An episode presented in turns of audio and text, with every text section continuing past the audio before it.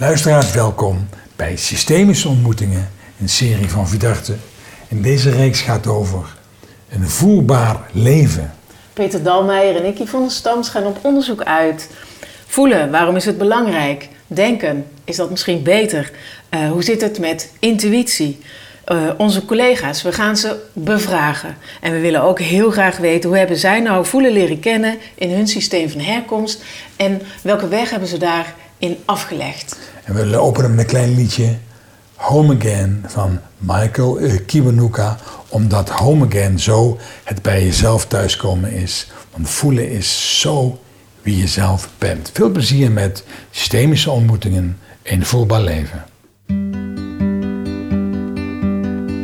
Home again, home again. One day I know I feel home again. Home again, home again. One day I know I feel strong again. Luisteraars, ja, we zijn home again nu aanbeland, Yvonne, in Enschede voor deze mhm. volgende aflevering van Een Voelbaar Leven op ons kanaal Systemische Ontmoetingen. Yvonne, je hebt, je hebt hier mee naartoe genomen. Vertel waar we zijn. ja, we zijn... Zo eh, heerlijk hier. We zijn bij Rita Rikhoff. Bij Rita Rikhoff. En ik ken Rita uh, via LinkedIn.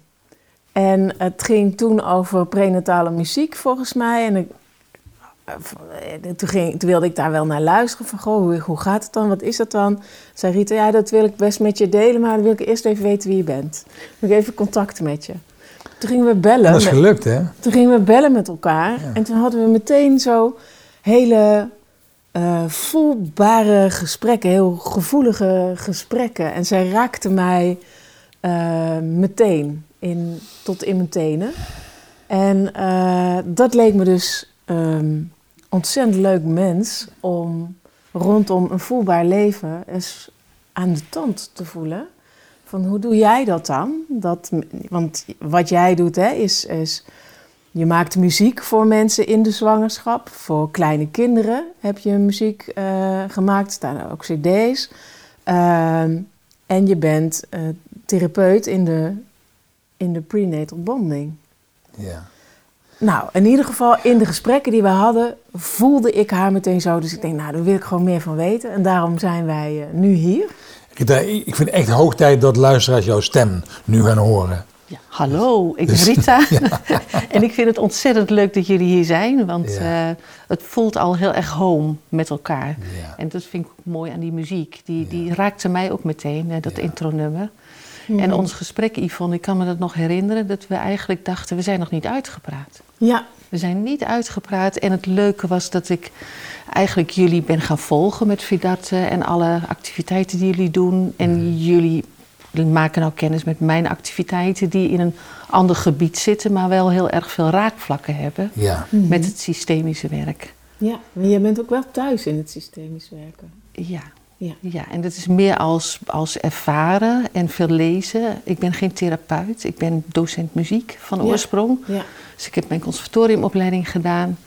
En het systemische werk heeft mij altijd geïnteresseerd. Want als puber ging ik lezen over wat, wat de psychologie en de psychiatrie doet met mensen. En dat zit meestal in een systeem. Ja. Maar toen wist ik nog niet dat het systemisch heette. En nou ja, in de tijd dat ik studeerde, rond die midden jaren tachtig, kwam NLP ook tevoorschijn. Dus daar zitten wij ook met ja. raakvlakken wat betreft uh, ja, de mensontwikkeling. En Rita, ja. jij kan het geen andere uitleggen als een mama een baby in haar buik draagt, dat het ook één systeem is. Ja, en dat is het bijzondere dat je uh, in de buik dat systeem van eenheid ervaart, maar ook van dat je beide een eigenheid hebt. Ja. En dat maakt het nog bijzonderder, want in de, wat ik dan nu misschien direct even introduceer, de prenatal bonding, daar gaat het uit van de eenheid. Want je bent prenatal met elkaar verbonden, ja. maar je bent wel een eigen identiteit.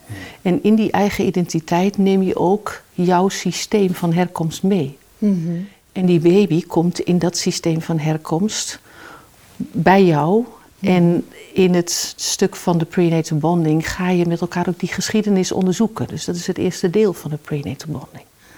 En ik ben een van de eerste in Nederland die dit nou mag doen als, als begeleider. Het is ook mhm. geen therapie, het is, gewoon, het is een begeleiding mhm. met een therapeutische achtergrond, inslag, gedachtegoed enzovoort. Maar mhm. niet de therapeut, want iemand heeft geen hulpvraag.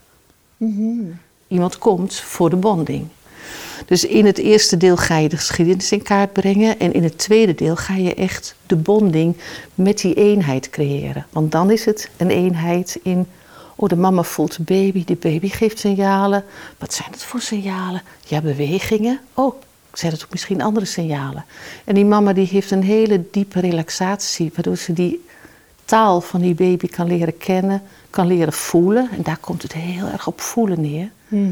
Want het voelen is ook, ja, wat in je lichaam gebeurt en wat die baby jou als het ware wil vertellen.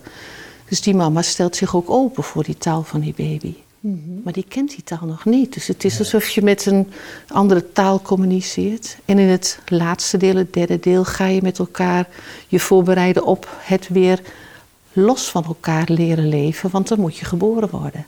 Ja. Maar dat is een gezamenlijk proces, want de mama en de baby die zijn zo belangrijk in de verbinding naar die geboorte toe. Dus de baby wordt geholpen door de mama en die baby vertelt ook van ja, weet je, dit is wat ik ervaar in de taal die de moeder dus leert luisteren, leert verstaan en opvangen. Mm Als ik het goed begrijp, dan, dan zijn de mensen die jij begeleidt zwanger. Dus je begeleidt vrouwen die zwanger zijn van een dochter of van een zoon. Ja. En uh, sommigen zullen dat weten, van het is dit geslacht of dat geslacht. Maar maakt dat trouwens uit? Nee. Nee. nee. De binding is niet afgestemd op of het een jongen of een meisje is. De binding is de binding als mens. Ja. Als, als klein, zich ontwikkelend mens. Mm en, en, dan begeleid je die vrouwen tijdens het zwanger zijn naar het moment van bevallen. Ja, precies. Het, moederschap. En ik ontmoet ze dan nog na de eerste maand en dan nog na zes maanden. En de eerste kennismaking is over het algemeen rond de twintig weken. En dan kan de mama de baby ook al een beetje voelen.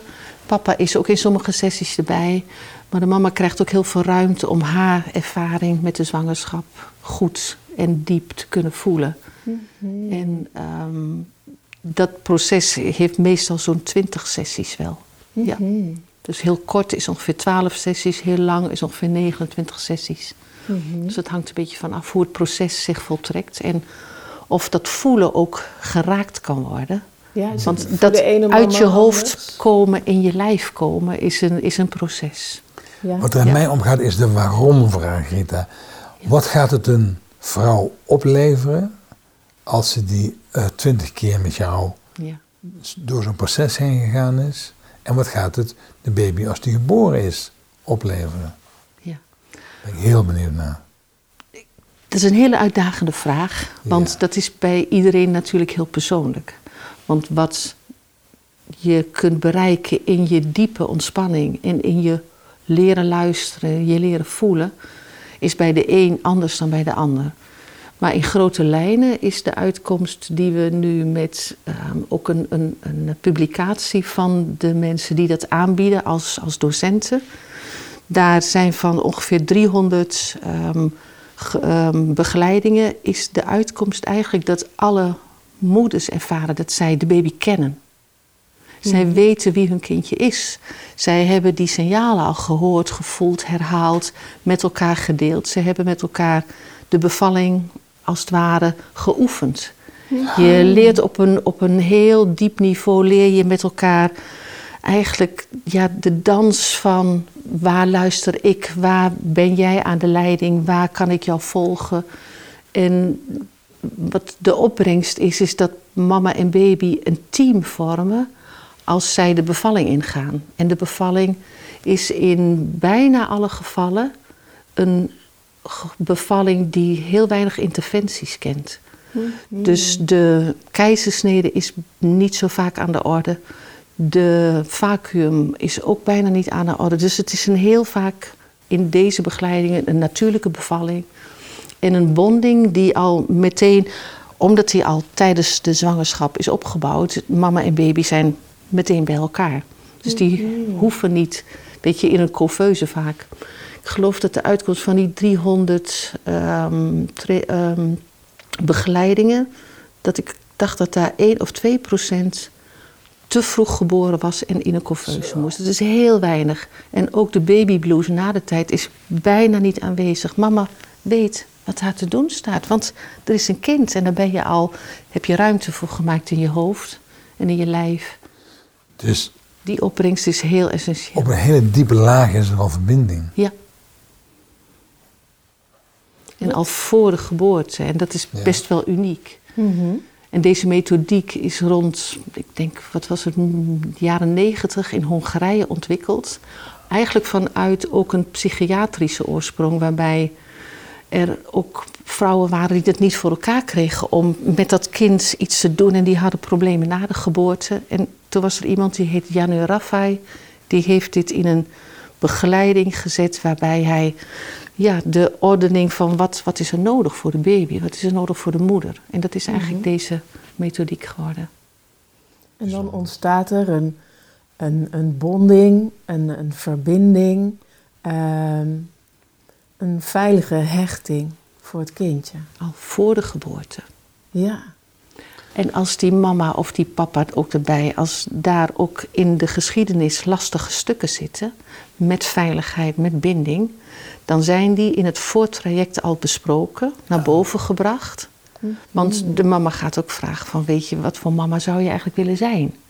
En wat voor mama had jij? Dus er worden dingen naar boven gebracht zonder daar therapeutisch mee bezig te zijn. Dat mag, mm maar het hoeft niet. En dan ehm, is die hechting eigenlijk ook iets wat je, als het in jouw familielijn niet helemaal soepel verlopen is, mhm. dat je daar op dat moment al je kunt afvragen: maar wat wil ik dan eigenlijk? Ja. Hoe zou ik mhm. dat willen? Wat voor mama zou, wil ik zijn? Het is zo. Uh bijzonder dat wij uh, ook onlangs een gesprek hadden met Margriet Wentink. Ja. En die had het over... Hechting, hè? ook over hechting, maar ook over sense of biography. Ja. En dat is wat jij ook vertelt. Ja. Dus tijdens de zwangerschap is moeder, maar ook vader... zijn beide bezig met... hoe was nou mijn geschiedenis? Precies. Wat is mijn biography? Ja. En kennelijk is het heel helpend als je je biografie in beeld hebt. En als je je daar inderdaad vragen over stelt, van wil ik dat ook zo? En ben ik me bewust van die biografie? Want soms zijn het ook dingen die papa en mama niet zo makkelijk hebben gehad in hun leven, maar die wel van invloed zijn geweest op hoe zij gevaderd en gemoederd hebben. Mhm. Soms kom je ook in een gesprek over dingen die nog nooit besproken zijn. Precies. Dat is heel bijzonder. Ja. in, in, liefde en, en respect. Dus het gaat niet over aanduiden van dit is niet goed gegaan vanuit boosheid, vanuit. Nee, maar, dus ik kan me goed voorstellen dat het verleden van, van vrouwen die zwanger zijn, soms ook momenten van ontsporing kunnen hebben gehad. Of het nou alcohol of drugs is of emotionele uitdagingen. Dat heeft, dat, dat, dan heeft dat dus enorm impact op het kind. Eh, bijvoorbeeld als ik al zie dat ik hoorde het laatste verhaal van een meisje van 16 jaar die is zwanger. Dat wilde ze helemaal niet, maar dat is wel gebeurd. En ja, die loopt dan ook met een kind rond. Hij heeft, heeft ook geen idee wat ze moet doen. En dat is heel uitdagend voor mama en voor baby. Mhm. Ja. ja. Mhm. En jij hebt het in jou, hè, want ik moet dan toch weer even terugdenken aan het gesprek met uh, uh, Margriet, omdat zij zo sense of biography noemde, sense of identity en sense of self. Mhm. En als jij het hebt over wil ik het zelf ook uh, zo, als ik het gekend heb, dan lijkt me dat je dan ook een van die en wat voor moeder wil ik zijn, dat je dat ook uh, zo aanraakt bij de aanstaande moeders. En dat is een hele belangrijke vraag. Want daar komt bewustwording over jou als mama ten opzichte van de baby en ten opzichte van jouw geschiedenis. En ja, niet iedere mama is altijd blij geweest van hoe zij opgevoed is. Ik ben een dokter Spock kind. Mhm. Nou ja, dokter Spock heeft mij gewoon heel lang mhm. in mijn kinderwagen laten liggen. Want de mama's werd afgeleerd om naar het kindje te gaan. Uit laten huilen. Precies, uit laten huilen. En lekker, dat was goed voor de longetjes. Mhm. En mijn moeder deed het goed in haar beleving. Ja. Maar ik had iets meer nodig. Ja. En ik had haar armen nodig. En ik had haar schootje nodig. En zij was zeker een fantastische lieve moeder met honderdduizend schootjes elke dag. Maar ook de dokter Mhm. benadering was toen algemeen geldend voor kinderen. En dat is niet bij iedereen zo heel prettig geweest. Goed gevallen. Nee. nee. Maar je, je, je zei ook zo mooi net toen we elkaar even ontmoetten, het voorgesprek, ja. dat hoe aanraking zo voornaam is. Ja, en dan noem je iets, hè? Die aanraking is een aanraking in, in, in iets heel.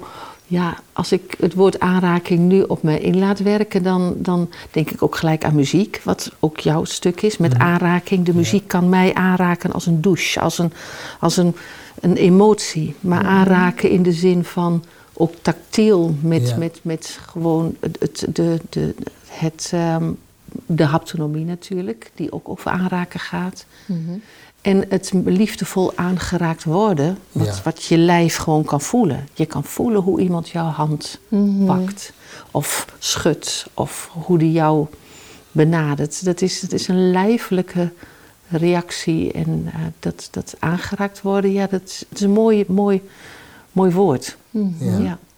Als, als mensen nou bij jou komen, hè, de serie heet Een voelbaar leven. En dan vragen we ook zo aan onze collega's in het veld hoe help jij nou jouw coachie om meer te voelen?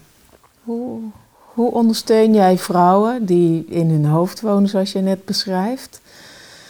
Uh, hoe help jij hen nou naar meer voelen? Dat is een hele uitdagende vraag. Ja, dat zou ook voor iedereen anders zijn. Ja, want wat zijn zo dingen die jij inzet? Ja, um, ja inzet, dat klinkt ook weer meteen zo... Uh, nou, misschien is daar ook wel het proces van mijzelf heel erg leidend in geweest. Van hoe ik mijzelf geholpen heb. Want weet je, mhm. dat is mooi om uit eigen ervaring te putten. En niet dat ik niet voelde. Misschien voelde ik wel veel te veel als kind. Mhm. En dat veel voelen is ook dat je soms niet weet hoe je dat moet gaan uh, sorteren in jezelf. Van wat is van jou en opschrijven. En wat is van wie. Maar dat leren voelen. Ehm, wat ik in mijn ervaring in het voelen en dat ontwikkelen van het voelen geleerd heb, ehm, is dat het voor een deel ook te maken heeft met weten wat. Want mindfulness is het leren voelen van je lijf en het leren voelen van je ademhaling. Het leren voelen hoe je jezelf tot rust kunt brengen, hoe je die nervus vagus gewoon kunt kalmeren. Nou, die was bij mij lekker opgewonden. Dus ik mhm. was altijd, stond ik in het aanstandje. Dus ik kan mhm. mijzelf nu vertragen. En dat mhm. vertragen is eigenlijk ook door muziek in de zwangerschap gekomen, omdat dat stuk wat muziek kan doen, die kan je in die vertraging brengen. Doordat die ademhaling langzamer wordt, doordat je dieper in jezelf gaat ervaren van, oh ja, ik lig nu. En ik vertelde gisteren aan iemand die zei van, oh ja, voelen. Ik heb dat ook op het conservatorium geleerd bij een pianojuf die had iets met haptonomie. En ik kwam daar en ik speelde prachtig piano, wel heel mooi, maar met hele krampachtige vingers. Mhm. Dus die docent zei: ga eens gewoon zitten op die pianokruk. Dus ik zat en toen zei ze: voel je die pianokruk? Mm Dus ik dacht: oké, nu moet ik iets voelen. Maar ik, mhm. want dus ik zie een pianokruk, maar ik voelde hem nog niet. Mhm. En dat heeft zich verder ontwikkeld met nou, vingers op de toetsen leggen, gewoon voelen wat je speelt. Dus ik moest mijn allereerste pianoboeken weer pakken en voelen wat ik speelde in plaats van spelen wat je moest spelen. Nou, om dan iemand te helpen die dit proces ook ingaat, is vooral dat je je overgave aan wat je spannend vindt of wat je lastig vindt, dat je daarin jezelf leert openstellen. En ik merk dat dat gewoon heel erg essentieel is. Van Zou je durf dat nog een keer willen herhalen? Durf je jezelf open te stellen om te voelen. Waar... En, en, die zin die daarvoor zat, zei je je openstellen om daar te gaan. Durf je daar waar het spannend is. Waar het spannend is. Ja. En soms is dat ook spannend omdat je denkt dat je dat niet kunt. Want je hebt geleerd, dat kun jij niet. En als je dat doet, is dat ook soms dat je zoveel voelt dat je niet weet oh help, dit is dus wat ik ook ga voelen. Want daar, dit is het, het, het gaat open aan alle kanten. En het is niet alleen maar het leuke voelen, het is ook het mhm. spannende voelen of het onbekende voelen. Ja. Ik vind dat echt een hele mooie omschrijving als uitnodiging naar voelen. Van, goh, durf je daar te gaan. Waar het spannend wordt. Ja, of ook soms waar het fijn is. Want voelen kan ook heel, heel fijn, fijn zijn. Ja, durf je daar te gaan waar het fijn is. Want soms is het zo fijn dat je gaat huilen en dat je denkt: Oh, zo lekker, ik wil hier even blijven. Ja, ja, ja. En dan gaat het misschien over: uh, mag dat wel? Of gun ik dat mezelf? Of uh, vindt iemand me nu stom als of ik zit dit, ik op de uh, goede plek? Mag, mag ik dat tonen op die plek? Ik kan me nog herinneren dat ik in een CD-winkel was. Die was in een groot winkelcentrum, was allemaal open. En ik hoorde daar muziek. was Nocturne van Secret Gardens. Mm -hmm. ja. Jadadam, jadadam. En ik hoorde hem voor het eerst. En ik begon spontaan te huilen. Ik Mhm. dacht, oeh, wat gebeurt hier? En de mensen om mij heen, die, die liepen ook. Mhm. En ik dacht, Riet, dit mag. Ga maar gewoon even voelen. Voelen wat het met je doet. Dat is heel mooi. Ah, als je dit zo zegt, hè, dan kom je een beetje zo engelachtige sfeer Ja. eh, terecht. Ja. En weet je nog dat wij in zo'n kerk waren in, eh, in Frankrijk? Daar waar dat labyrint ook ligt. Evreux? Ehm, oh, wat jammer dat we nu niet weten hoe die kerk heet. In Chartres. Chartres, ja, ja, ja, ja. precies. Het labyrint van Chartres, ja, ja de kerk. En, ja. en toen wij daar de allereerste keren waren, we zijn volgens mij twee keer geweest, toen, toen waren daar ook eh, mensen aan het zingen. Ook een beetje op die vergelijkbare manier die jij nu. eh, en, dan- en maar als je dan net de kerk inloopt, dat is een heel grote, ik zeg kerk, maar het is volgens mij een kathedraal. Kathedraal, ja. Dat is heel groot. En dan eh, kijk je zo rond van waar komt het geluid vandaan. Hè? Dus dat lijkt dan ook echt uit het niets te komen. En je kunt je voorstellen, zo'n kerk eh galmt om je heen. En dat, daar moet ik aan denken. Zo van, daar was ik ook heel erg door geraakt. Ja. Zo. Alles wat daar op de, te zien was, zeg maar, werd eh, extra zichtbaar. Alle ornamenten en verschillen in kleur. En, ik weet niet, het was een hele mooie ervaring. Alsof je nog een stukje verder open gaat. Ja, Ja. Ja. Dat is dan toch iets wat muziek dan, Ja. dan doet. En ja, precies, dat, dat doet muziek. En jij gebruikt muziek dus voor jonge ouders, voor ouders, om samen met het ongeboren kind nog daarvan te genieten. Zeker, zeker. La- Laten we eerst even een klein stukje luisteren.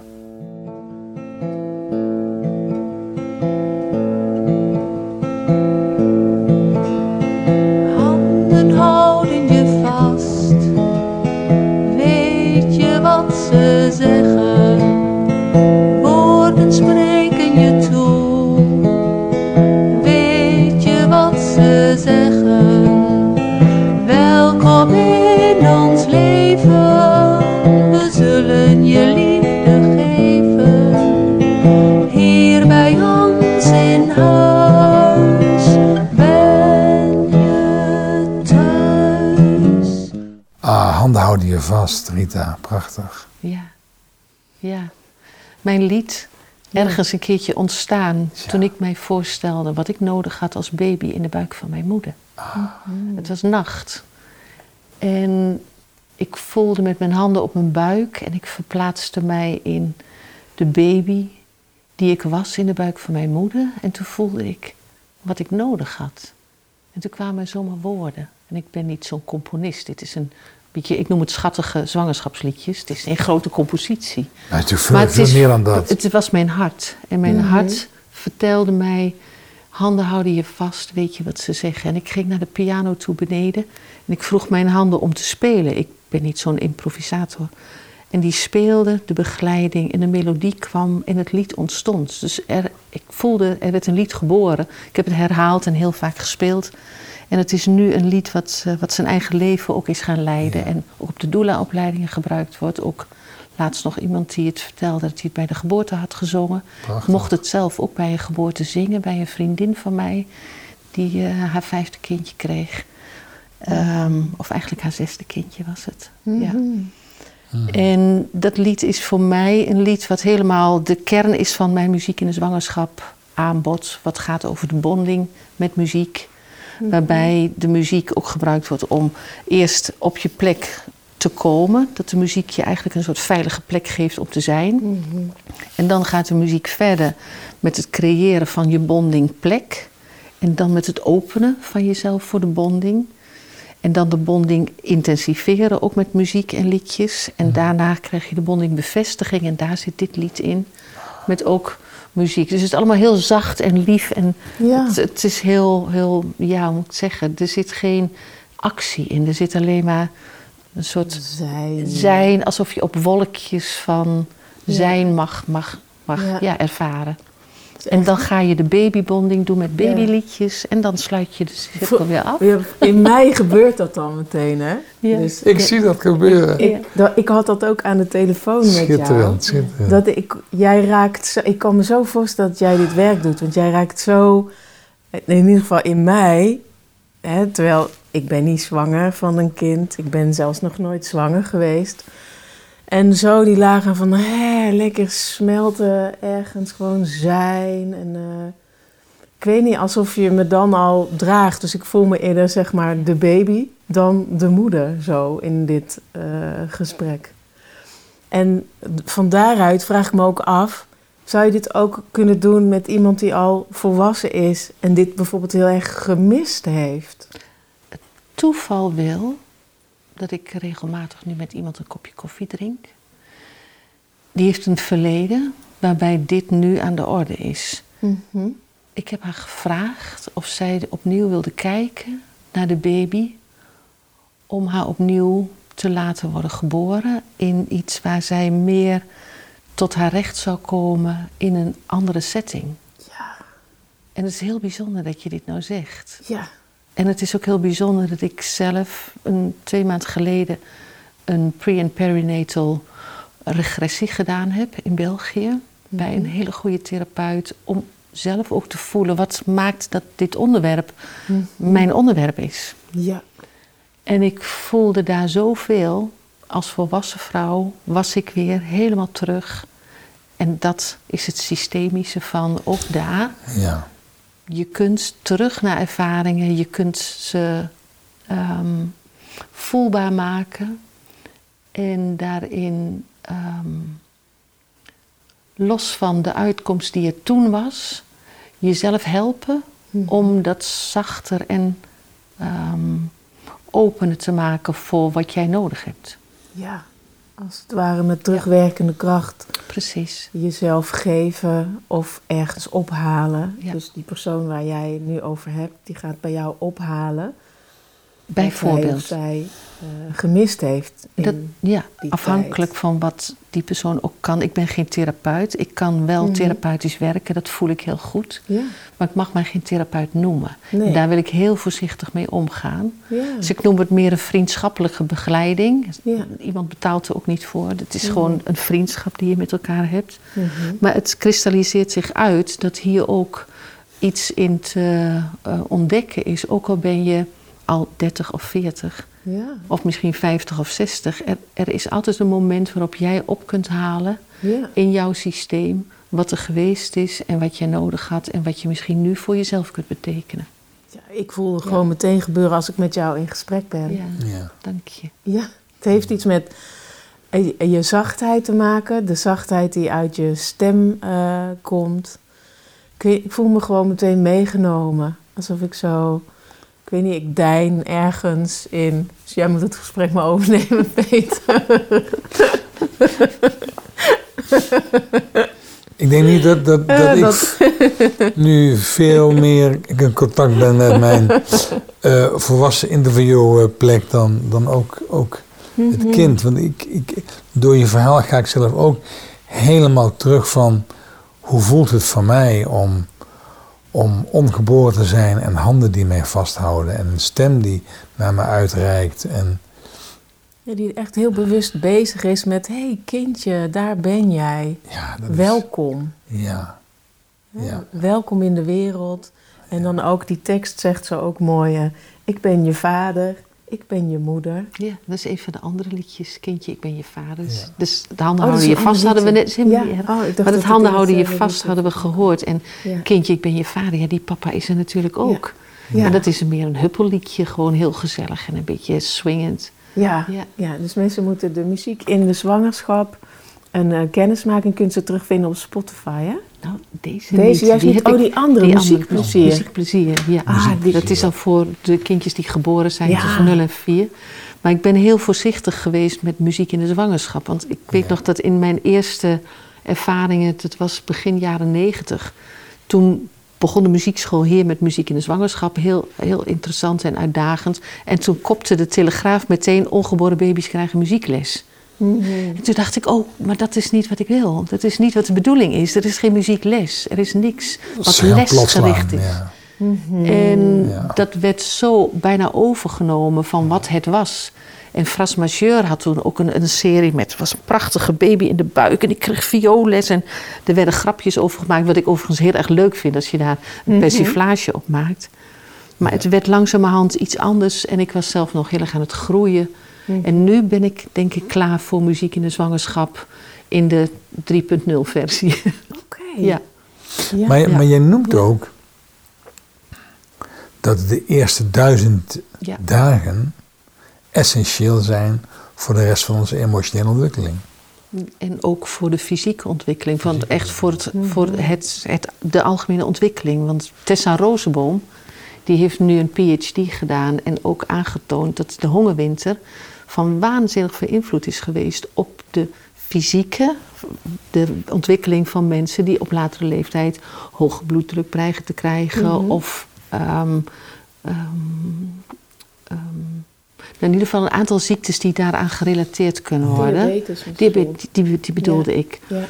En dat dat terug te voeren is op essentiële periodes tijdens de zwangerschap.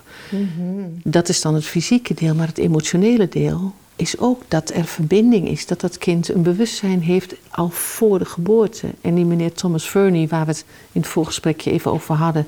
die het boek schreef Het geheime leven van het ongeboren kind... Het die geheime heeft daar, leven van het ongeboren kind. Precies, die heeft daar een heleboel dingen al over teruggekregen van mensen die hij hielp, omdat hij psychiater is.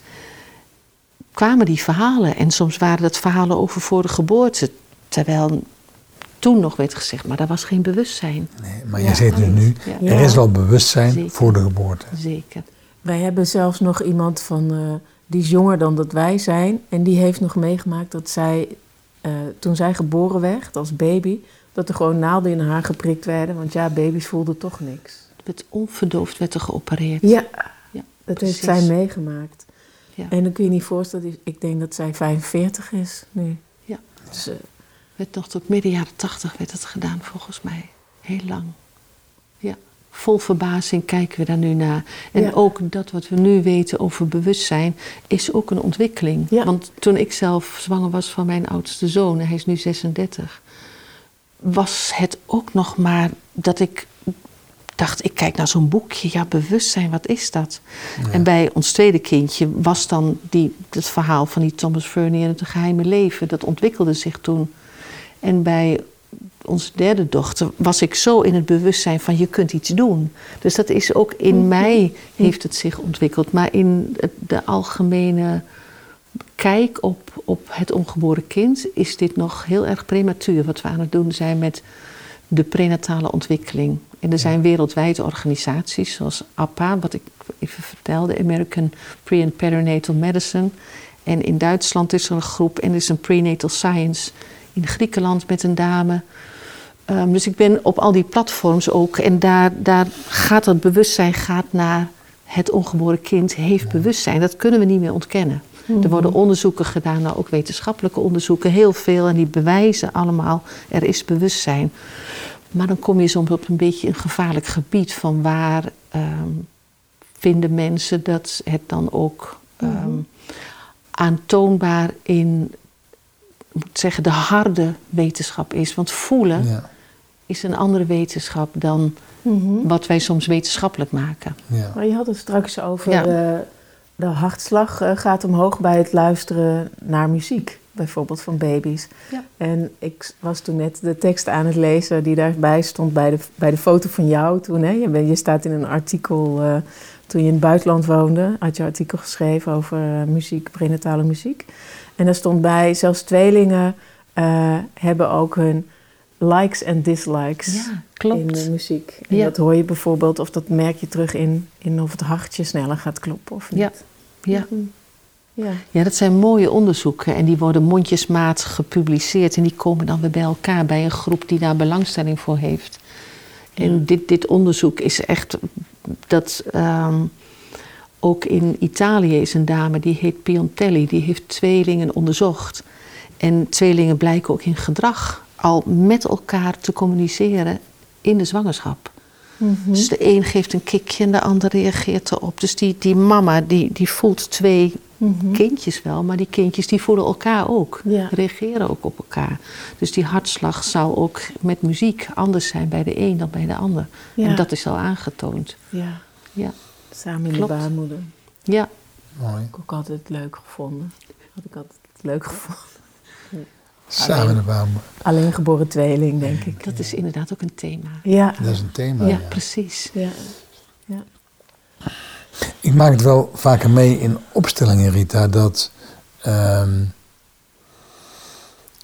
ehm, iemand gaat staan voor, de, voor het leven van een vraagsteller, die dan helemaal alleen staat. En ik vraag dan vaak aan degene, herken je dit? En dan komt heel vaak de opmerking, ja, al vanaf de geboorte heb ik het gevoel dat ik ja, het, het allemaal zelf moest uitzoeken. Ja. Dus er zijn veel mensen onder ons die geboren zijn zonder aanraking, zonder aangeraakt, dus zonder jouw mo- mooie liedjes te hebben gehoord, de eh, verbinding te hebben gehad. Dus mij wordt nu ook steeds, steeds duidelijker dat juist die beweging, die, wa- wat wij noemen in onze opleiding, die uitreikende beweging van een ouder naar het ongeboren kind, al een enorme helende ervaring is voor het ongeboren kind om zich welkom te voelen.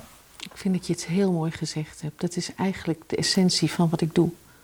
De hechting in de periode dat je met elkaar gaat groeien naar het eerst samen zijn, het elkaar erkennen, dan samen geboren worden, want de mama wordt ook geboren als mama.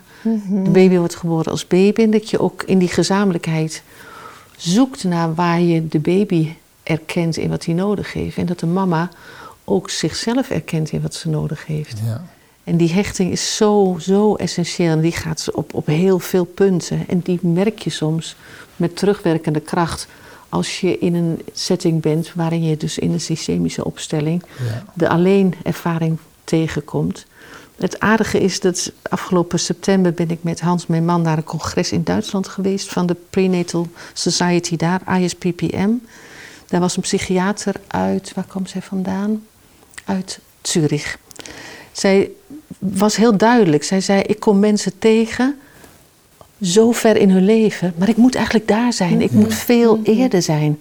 En ze zegt: Voor mij is dit nou allemaal nieuw, maar ik wil daar zijn. Ik wil eerder zijn. Want daar hebben we wat te doen. Bij die eerste Bij hechting. die eerste hechting, bij die eerste duizend dagen. Ja. Maar hoe ontdek ik nou, of hoe ontdekt de luisteraar, hoe, hoe ontdekken wij nou dat de uitdaging die ik heb, de emoties die mij blokkeren, dat die al in die eerste duizend dagen ontstaan zijn? Dat, dat die al, misschien al, al voor mijn, mijn geboorte zijn begonnen. Ja, dus dan, de vraag: hoe ontdek je dat? Dat ontdek je op heel veel verschillende plekken, op heel veel verschillende momenten. En daarbij knoop je je eigen touwtjes ook aan elkaar om ze te brengen tot waar jij herkent en erkent van, oh ja, daar zitten dingen. En dat kun je op verschillende plekken eh, ontdekken. Ik ben bij Daan van Kampenhout geweest voor Mhm. een shamanistische opstelling. Ja. Ik ben bij Margriet Wenting geweest, ook voor een opstelling over mijn verlangen en een nieuwe partner. Het was fantastisch. Is gelukt. En, ja, dat geweldig. Hè? en ik ben ook ehm, in mijn eigen ehm, zoektocht naar opleidingen bij traumasensitief werk terechtgekomen hier in Enschede bij Anna Jans. En ik ben nieuwsgierig naar ook mijn plekjes, maar om daar gelijk een antwoord op te geven van zo doe je dat, is denk ik het allermoeilijkst. Want dan Ja. zou er heel makkelijk voor iedereen het oplossingje zijn. A is de vraag en Ja. het antwoord staat achter de is. ja. Ik vond Dus ik vind de vraag heel mooi, maar ja. ja. Van knoop knoopt de touwtjes aan elkaar. Ja. Je volgt het spoor terug. En je creëert dan zelf je, je aanknopingspunten en je beginsel. En de Nou, herkenning ook, want die zit altijd in jezelf. Het resoneert dan in jou. Dat is het, ja. De resonantie Precies. in jezelf. Het zit in jouzelf. Ik vond het heel duidelijk dat Ja. als ik kijk naar de relatie van mij met mijn moeder. Ja. Ze is 95 binnenkort, wordt ze. Hmm. Mijn moeder kan heel goed eh, aandacht geven. Kan ook verbinden, aanraken en op een gegeven moment is het wel klaar. En dus, dus, dus, dus dat is heel kort zo. Zo, en nou weer zelf. Dus ik, ik heb ook wel geleerd dat in mijn behoefte om aangeraakt te worden, op schoot te mogen zitten, dat het altijd veel korter was dan mijn behoefte was. Ik herken dit heel erg. Dus op het moment dat Ja. jij dan dit verhaal zegt. Ongelooflijk. Ja, ik denk van, ik heb ook zo'n zo'n verlangen naar de echte verbinding. En dat vind ik ook zo fijn. En toen dacht ik, ja, dat is waarschijnlijk ook al, ook al ehm, in de e- eerste duizend maanden als ons contract geschreven. Dat heb je gevoeld. Ja, Je hebt gevoeld van daar is het contact en nu even weer. ja, Dus en het is mooi dat je dat zo vertelt, want het, dit is bijna wie ik ook ben. ja. Dus dat komt bij mij ook in wat dan aandacht is en wat echt luisteren en wat stilzitten Ja. is en wat overgave is. Dat komt eigenlijk allemaal bij elkaar in dit stuk. Ja, mooi. Eh, binnen systemisch werk noemen we dat de onderbroken uitreiking. Ja, fantastisch. En Ja. dat, dat was voor mij altijd een concept. En nu, hier bij jou zit, is het veel meer een soort, soort onbewuste ervaring in mij geworden. Ja. Je zei, je zei net zo mooi ehm, over je eigen, eh, eh, waar je jezelf in resoneert. Dat zal voor jou dan kloppend zijn.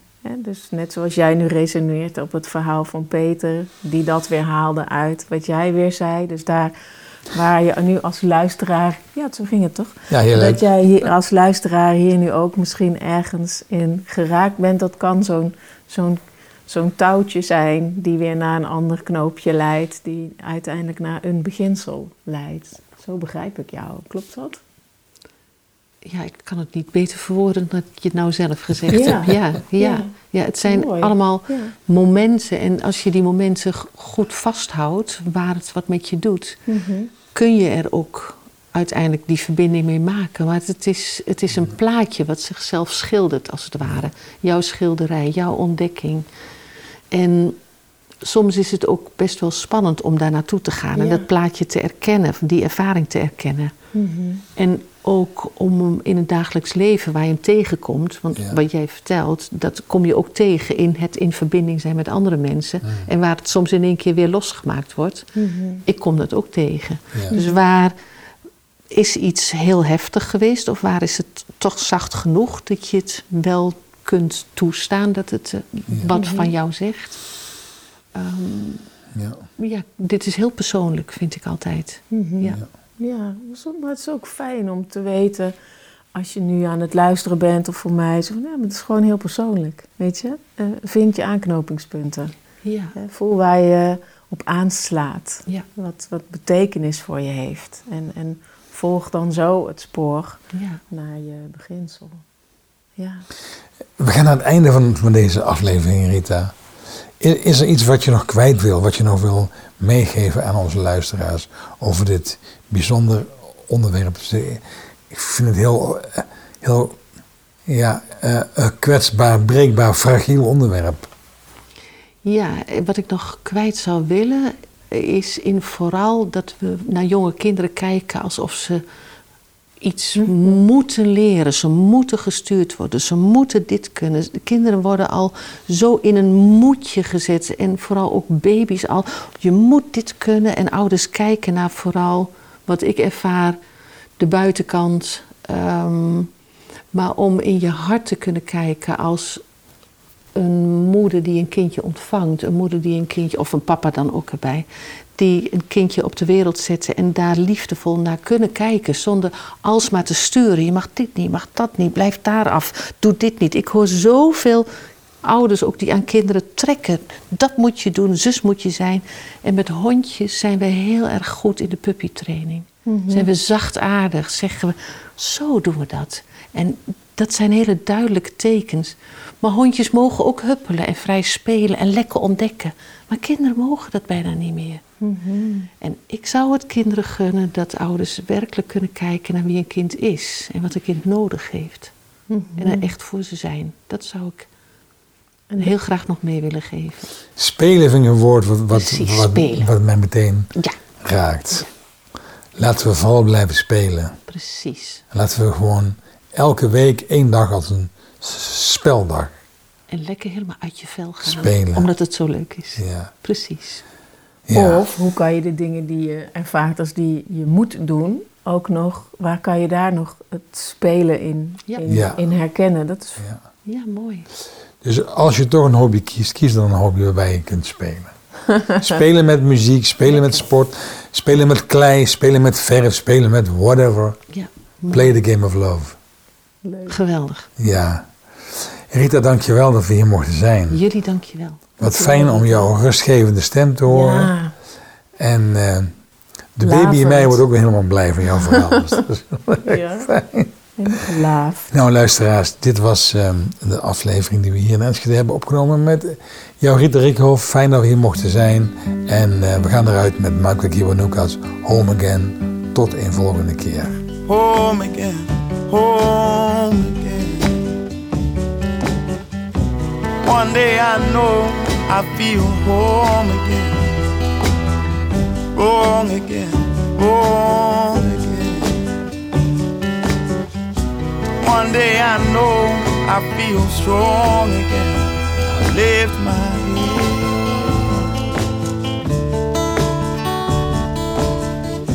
Many times I've been told all this talk will make you old. So I'll close my eyes, look behind, moving on, so I'll close my eyes, look